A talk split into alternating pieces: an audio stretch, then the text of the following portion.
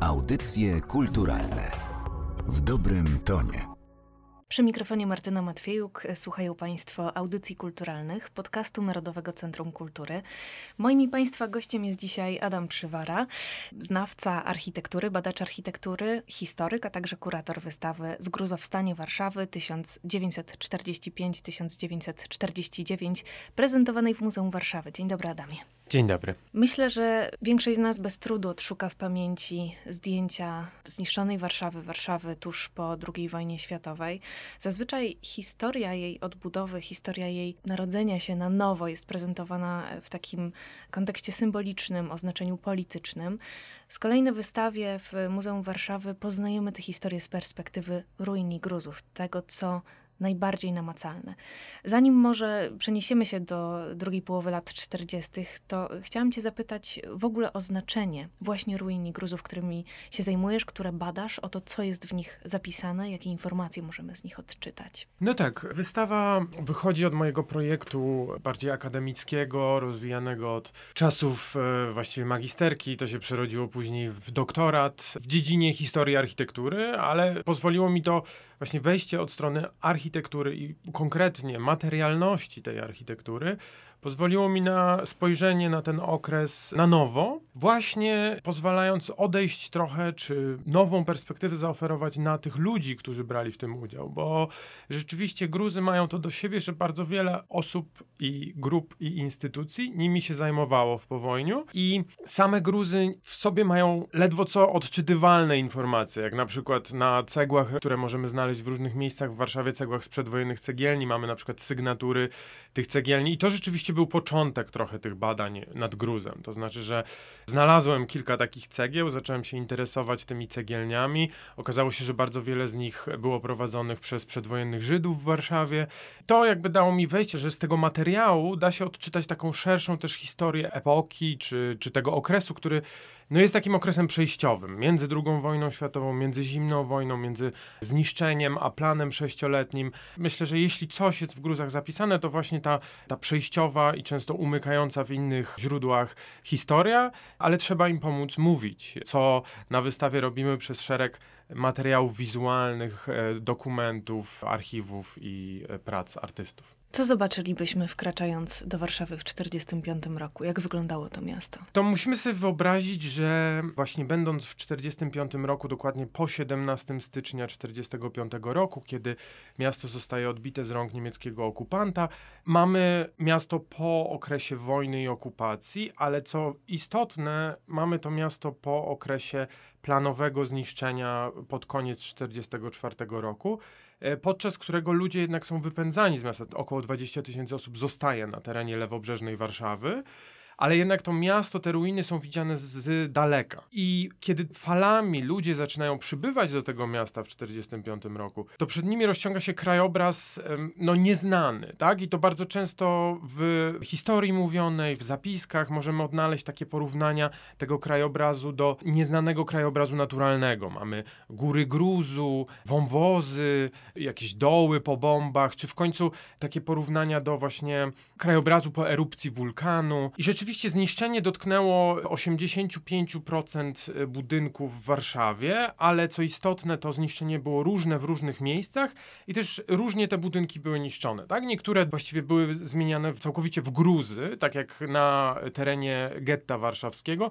Inne były na przykład wypalane i pozostawały pojedyncze ściany, ale miasto było, innymi słowy, nie było miastem w 1945. Raczej było właśnie takim utrudniającym życie krajobrazem naturalnym gruzów i ruin. Mhm. Piorunujące są te liczby, o których wspomniałeś. Szacuje się też, że jeśli chodzi o ilość gruzu, która pozostała, to 22 miliony metrów sześciennych. To bardzo wymownie obrazuje współczesna praca Tymka Borowskiego, którą też zobaczył Państwo na wystawie. Z tego gruzu utworzony jest wieżowiec, który góruje, przewyższa wszelkie dachy, wszelkie iglice. W współczesnej Warszawie jest wpisany w krajobraz tej Warszawy, jaką znamy dzisiaj. Jak doszło do tego, że te gruzy, te ruiny z czegoś niechcianego, niepotrzebnego, traktowanego jako też symbol no, wielkiej tragedii, która spotkała tych ludzi i to miasto, stały się skarbem, budulcem, czymś, co chyba też niosło nadzieję. To jest taki, to co opisałaś, ten proces, proces przewartościowania gruzów, proces zmiany podejścia do nich.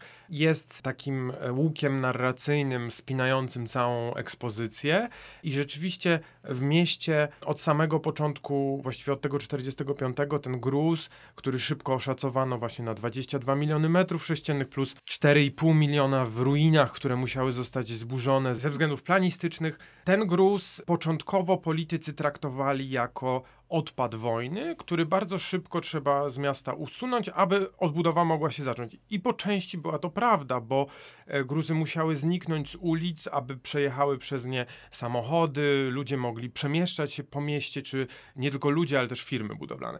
Ale w tym samym okresie musimy pamiętać, że 6 lat okupacji nie zniszczyło wyłącznie budynków, ale zniszczyło cały przemysł budowlany. W Warszawie przed wojną były właśnie setki cegielni, które przestały działać i bardzo powoli wracały do dawnej świetności, właściwie nigdy nie wróciły.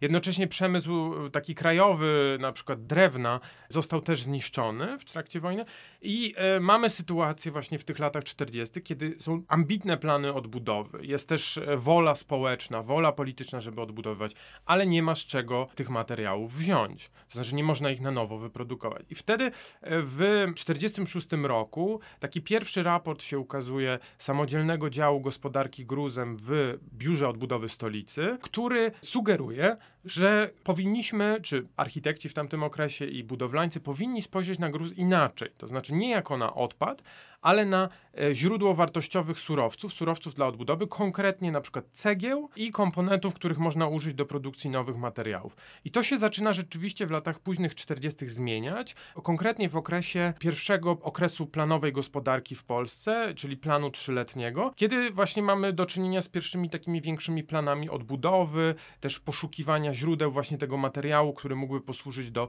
dalszej odbudowy. I wokół gruzów, jako źródła materiałów budowlanych, zaczyna się budować ten powojenny przemysł budowlany. Zaczyna się odzyskiwać masowo cegły z gruzów, żelazo, zaczynają się też badania i produkcja elementów z tak zwanego gruzobetonu. No właśnie, to jest y, bardzo ważny termin w kontekście tego, o czym mówisz, w kontekście wystawy również. Co umożliwiło jego wprowadzenie? E, no, ta historia jest bardzo ciekawa, bo pokazuje nam, że ten okres lat 40. jest okresem pewnej takiej międzynarodowej otwartości, która później oczywiście jest kontestowana przez żelazną kurtynę, która się tak pojawia, czy zostaje wprowadzona, ale w tamtym okresie lat 40. z jednej strony widzimy, że do Warszawy na przykład zjeżdżają ze wschodu i z zachodu przodu brygady, które zajmują się odgruzowywaniem, a z drugiej strony z Polski badacze, konkretnie tutaj mówimy o badaczach i inżynierach z Instytutu Badań Budownictwa, który został założony w 1945 roku razem z Ministerstwem Odbudowy, i był to instytut zajmujący się budownictwem, ale z nowej perspektywy, z perspektywy laboratoryjnej, z perspektywy eksperymentalnej, czegoś, co wcześniej nie miało w Polsce zbyt wiele miejsca.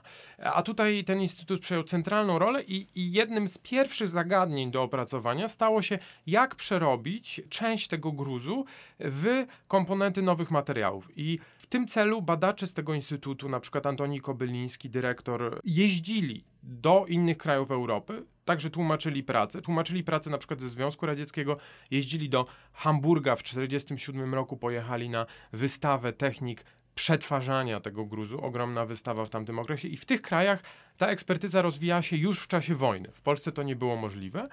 Jednocześnie polski rząd zawarł takie porozumienia z krajami neutralnymi w czasie wojny, konkretnie Szwajcarią i Szwecją, na podstawie których wymieniany był węgiel polski na technologie z tamtych krajów, takie jak właśnie maszyny potrzebne do kruszenia, sortowania E, gruzu i produkcji pustaków gruzobetonowych. I te maszyny rzeczywiście pojawiają się w Polsce w 1947 roku i zaczynają właściwie od razu działać. Jest to materiał nowy, eksperymentalny, ale on bardzo szybko znajduje zastosowanie na placach budowy. Powstaje też eksperymentalne osiedle, które zdaje się, że do dzisiaj jest zamieszkane. Tak, e, to znaczy mamy, mamy kilka budynków na wystawie pokazujemy, bo rzeczywiście gruzobeton w Warszawie kojarzy się głównie z osiedlem Muranów Południowy i nie bez powodu, możemy o nim porozmawiać, ale wystawa, czy moim celem też było pokazanie, że ten gruzobeton był, czy gruz w ogóle, był materiałem, z którego to miasto w tamtym okresie się budowało tak w całości. I rzeczywiście na wystawie pokazujemy na przykład pierwsze eksperymentalne domki z gruzobetonu na polu mokotowskim, które do dziś stoją, są zamieszkałe. Z drugiej strony mamy eksperymentalne osiedla, takie jak Koło 2 na Woli, projektu Heleny i Szymona Syrkusów, które właśnie są pierwszymi osiedlami w całości powstałymi bez użycia tradycyjnych materiałów budowlanych. Bo musimy pamiętać, że okres odbudowy to jest też okres unowocześniania budownictwa, wprowadzania nowych wizji tego, jak powinno wyglądać życie społeczne, jak powinno wyglądać budownictwo.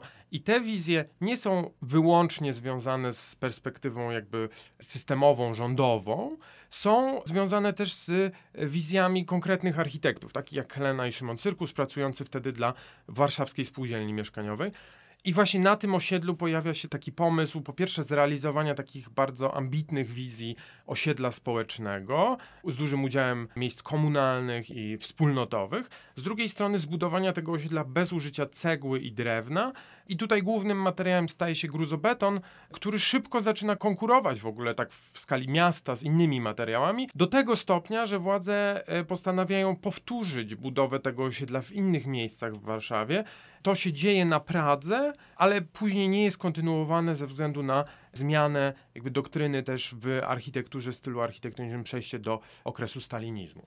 Technologie i wizje to jedno, ale by Warszawa mogła powstać e, z gruzów, potrzebny był ogrom ludzkiej pracy. Jak na co dzień wyglądało to porządkowanie miasta?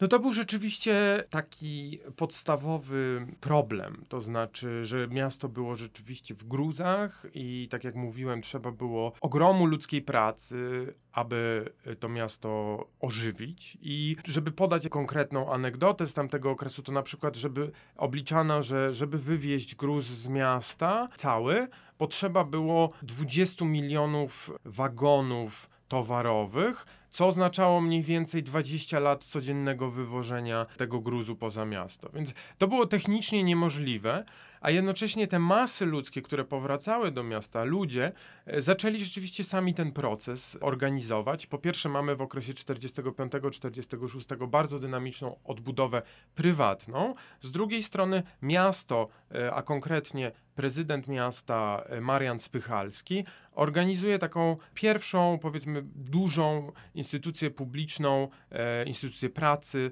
właśnie skoncentrowaną na oczyszczaniu miasta i na doburzaniu ruin. I to są brygady pracy. I brygady pracy założone w styczniu 1945 bardzo szybko się rozrastają do ogromnych rozmiarów. W maju zatrudniają 16 tysięcy osób, a musimy pamiętać, że w 1945 no, Warszawa ma około 100 tysięcy, może do 100 tysięcy osób lewobrzeżna. Warszawa lewobrzeżna ma do około 100 tysięcy mieszkańców i te brygady są właśnie wysyłane do tych prac porządkowych i co istotne, co podkreślamy też na wystawie, ogromną część tych brygad stanowią kobiety, które pracują tam, bo musimy pamiętać, że wojna się jeszcze nie skończyła, mężczyźni są albo na froncie, albo na robotach w Rzeszy, albo w obozach i tutaj te kobiety odgrywają bardzo ważną rolę, taką frontową, rozpoczynając ten proces odgruzowywania bez potrzebnych e, ubrań, bez potrzebnych e, narzędzi.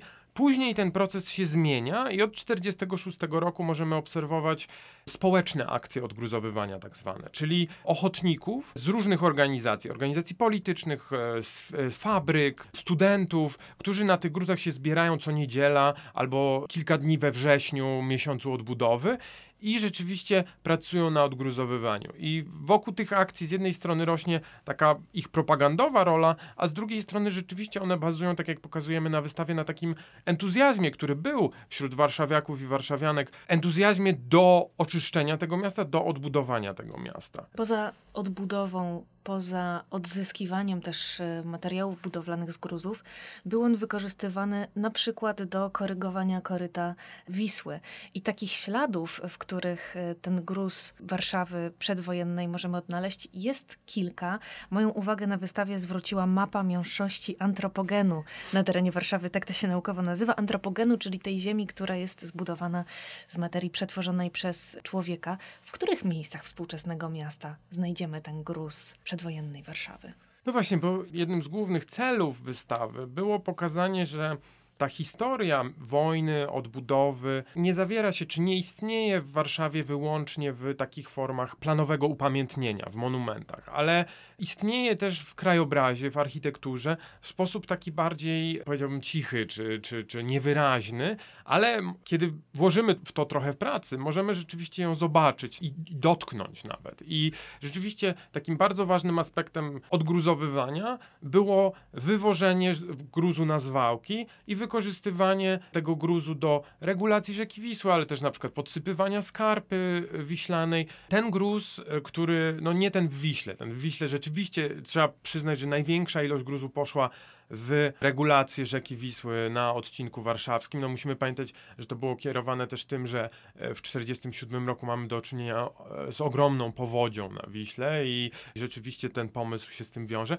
Z drugiej strony ten wywóz gruzu od 1945 roku jest takim tematem też dyskusji, e, czy to ma być wyłącznie materiał taki powiedziałbym, no, inżynieryjny do e, podsypywania, czy materiał, który pokryty zostanie trawą, czy jednak materiał, którym można upamiętnić tą historię. I początkowo rzeczywiście decyzja pada na to pierwsze, czyli ten materiał jest zwożony na te, takie zwałki. E, one powstają na przykład przy Forcie Szczęśliwice, to jest górka Szczęśliwicka, na Moczydle. W Parku Moczydło zasypywane są glinianki, tam powstaje ta górka, z której bardzo dobrze widać osiedle koło 2 z gruzobetonu, czy na Czerniakowie. I to są takie miejsca zwałki, które właściwie trwają w historii jako wysypiska śmieci, aż do momentu lat 90., kiedy właśnie na Czerniakowie konkretnie pojawiają się takie pomysły powrotu do tych idei upamiętnienia poprzez kopiec gruzu, upamiętnienia wojny, oporu. I te pomysły, tam działa wokół nich Eugeniusz Ajewski, architekt i, i powstaniec, który właśnie w 94 roku doprowadza do tego, że kopiec zostaje przemianowany na kopiec Powstania Warszawskiego i do dzisiaj, w tym roku otworzy się na nowo po, po renowacji, do dzisiaj stanowi taki monument i miejsce, miejsce pamięci ale z drugiej strony ta pamięć właśnie ma różne formy, myślę, w Warszawie. I tak jak patrzymy na te inne górki, to one też są z gruzu, też mają ten wymiar taki historyczny, a z drugiej strony funkcjonują znacznie bardziej jako taki krajobraz naturalny. I może to też jest ciekawe e, właśnie w kontekście naszego myślenia o pamięci dzisiaj, że ta pamięć nie musi być e, związana z konkretnymi obrazami czy monumentami, ale właśnie też może być związana ze świadomością tego, w jakim krajobrazie żyjemy. Tych z Państwa, których y, zainteresowaliśmy teraz y, tymi lokacjami, przy okazji zapraszamy na wycieczkę rowerową, którą poprowadzi Adam Przywara y, w czerwcu. Mm, myślę, że z tych pozostałości ruin można całkiem sporo odczytać, jeśli tylko je potrafimy przyporządkować i potrafimy je zbadać. I zdaje się, że nie brakuje osób, które kolekcjonują takie obiekty, jakie znajdziemy na tej wystawie, na przykład cegły. Tak, cegły akurat pochodzą z kolekcji mojej i mojej żony, bo okazało się, że cegieł nikt, znaczy znaczy nie nikt nie kolekcjonuje, bo później natrafiłem na przykład na grupy na e, Facebooku, niesamowite zresztą cegły z sygnaturami. Tam jest około tysiąc osób, które każda z nich w całej Polsce kolekcjonują te cegły, bo, bo rzeczywiście one przyciągają uwagę ze względu na te sygnatury, często pisane takimi fontami przedwojennymi. Ale konkretnie w Warszawie na tą wystawę taką kolekcję w małym stopniu rozwinął Warszawski Konserwator Zabytków. Tam jest ko kolekcja detalu architektonicznego. No ale rzeczywiście w dużej mierze musieliśmy sobie poradzić sami i te cegły znaleźć, co się da zrobić, ale chciałem też przywołać takie inne, indywidualne historie tych materiałów, bo oczywiście większość materiałów pokazywanych na wystawie, gruzy są taką centralną częścią wystawy i, i rzeczywiście pokazujemy na przykład fragmenty fasad e, Pałacu Saskiego czy Pałacu Brula, kafle piecowe. I to są wszystko kolekcje związane z e, historią też powojennej siedziby muzeum, siedziby na Starym Mieście, której powstanie i i, i, muzeum jest bardzo związane z tym okresem odbudowy. Ale w ramach tych historii jest na przykład bardzo ciekawa historia ceramiki, e, którą pokazujemy w ostatniej sali. To jest rozbita ceramika, na przykład talerze, wazony, które e, pochodzą z kolekcji muzeum, ale konkretnie z kolekcji pani Barbary Bazińskiej, która właśnie po wojnie pracowała w muzeum w dziale archeologii i ona nawiązała komitywę z robotnikami odbudowującymi Stare Miasto i sprawdzała po prostu furmanki wywożące gruz ze Starego Miasta, albo oni dawali jej znać, że w gruzach znaleziono ceramikę. I rzeczywiście to jest dość no, unikalna, myślę, w skali takiej światowej kolekcja y, takiej ceramiki, która datowana jest nawet na XVI wiek, pochodzi z najlepszych pracowni, od najlepszych wytwórców nie tylko w Europie, ale także na świecie i została wydobyta na Starym Mieście. I ona ostatni raz była pokazywana w latach 80., więc naprawdę warto wybrać się na wystawę. Wystawa zbiega się też e, z premierą książki pod e, Twoją redakcją. Książki zatytułowanej Zgruzo w stanie, przeszłość i przyszłość ruin w architekturze. W jej wstępie piszesz, że antropocen jest epoką ruin. I chciałabym poszerzyć tak na zakończenie jeszcze kontekst, w którym rozmawiamy o tej wystawie i jakoś e, ją umiejscowić wobec naszych aktualnych zmartwień związanych z architekturą czy urbanistyką. Uczymy się recyklingować materiały, które są wokół nas. To dotyczy, czy powinno dotyczyć również budownictwa. Tak, wystawa ma kilka bardzo aktualnych e, wątków. Z jednej strony, oczywiście, niestety stała się aktualna przez inwazję Rosji na, na Ukrainę i pojawia się tam kwestia odbudowy Ukrainy, ale to wszystko dzieje się też pod takim parasolem epokowej zmiany, powiedziałbym, związanej z katastrofą klimatyczną, która nagle stawia nas przed kwestią, jak ma wyglądać zrównoważony rozwój ogólnie, a szczególnie jak ma na przykład wyglądać architektura, budownictwo, które jest dziś największym e, producentem odpadów w ogóle na świecie. To znaczy, ja sobie robiłem takie obliczenia, no, można jeszcze je sprawdzić, ale że 6 lat wojny w Europie, konkretnie w Niemczech i w Polsce wyprodukowało mniej gruzu niż w dwa lata przemysł budowlany w Unii Europejskiej produkuje dzisiaj. Czyli ta skala jest no, niewyobrażalna, tego gruzu nie widzimy w, taki sposób, dlatego że to są odpady, no, które są wywożone od razu, ale e, to nam pokazuje, że kwestia tego, co z tym gruzem robić, jest bardzo aktualna. Aktualna też w Warszawie. Bardzo ciekawe, że wystawa otwiera się w momencie, w którym mamy zatrzęsienie rozbiórek, dużych, bardzo wyraźnych rozbiórek, rozbiórek wieżowców przy Jana Pawła, centrów handlowych, kin. To są wszystko budynki z lat 90., które stają się nierentowne. I w tym kontekście rozwija się właśnie w Europie takie coś, co się nazywa gospodarką cyrkularną w architekturze, czyli po pierwsze y, jest to związane z próbami nieburzenia, przerabiania budynków na nowe, a jeśli już burzenia, to z e, odpowiednim poziomem odzysku i recyklingu materiałów budowlanych. E, I rzeczywiście na dzisiejszych placach budowy e, z jednej strony dyskutuje się, co można odzyskać i użyć ponownie w nowym budynku. Z drugiej strony rzeczywiście w Warszawie działają takie maszyny, jakie działały w latach 40., które ten gruz, tym razem betonowy, przerabiają na kruszywo do nowego betonu. To, jest, to, to się dzieje. I właśnie książka, bardziej niż wystawa, bo wystawa jest historyczna, ale książka osadza tą kwestię ruin i gruzów w szerszym kontekście historycznym, właśnie wskazując na to, jak te zagadnienia lat 40., czy nawet lat 20., bo jest też tekst o rozbiórce Soboru Aleksandra Newskiego, są fundamentem dla, czy mogą być fundamentem dla dzisiejszych rozważań na temat odzysku i recyklingu w architekturze, tak w kontekście e, Europy, jak i w kontekście e, na przykład powojennej odbudowy Ukrainy. Myśląc o tym jeszcze szerzej, przypomina mi się rozmowa z Jakubem Szczęsnym w audycjach kulturalnych, który mówił o tym, że może powinniśmy po prostu mniej budować, zmniejszyć w ogóle skalę tego, co wytwarzamy w krajach spowalniających demograficznie. Ale to jest już temat pewnie na inny podcast. My zapraszamy Państwa na wystawę prezentowaną przez Muzeum Warszawy z Gruzo w stanie. Do 3 września poznają Państwo na niej cztery pierwsze lata odbudowy stolicy po wojnie. Z perspektywy ruin ruin, gruzów, ale także ludzi, którzy wznosili tę Warszawę na nowo, bo również ich wspomnienia będą Państwo mogli usłyszeć odwiedzając ekspozycję. Dziś w audycjach kulturalnych e, gościłam Adama Przywarę. Bardzo Ci dziękuję. Dziękuję bardzo i zapraszam na wystawę i do przeczytania książki. Audycje kulturalne w dobrym tonie.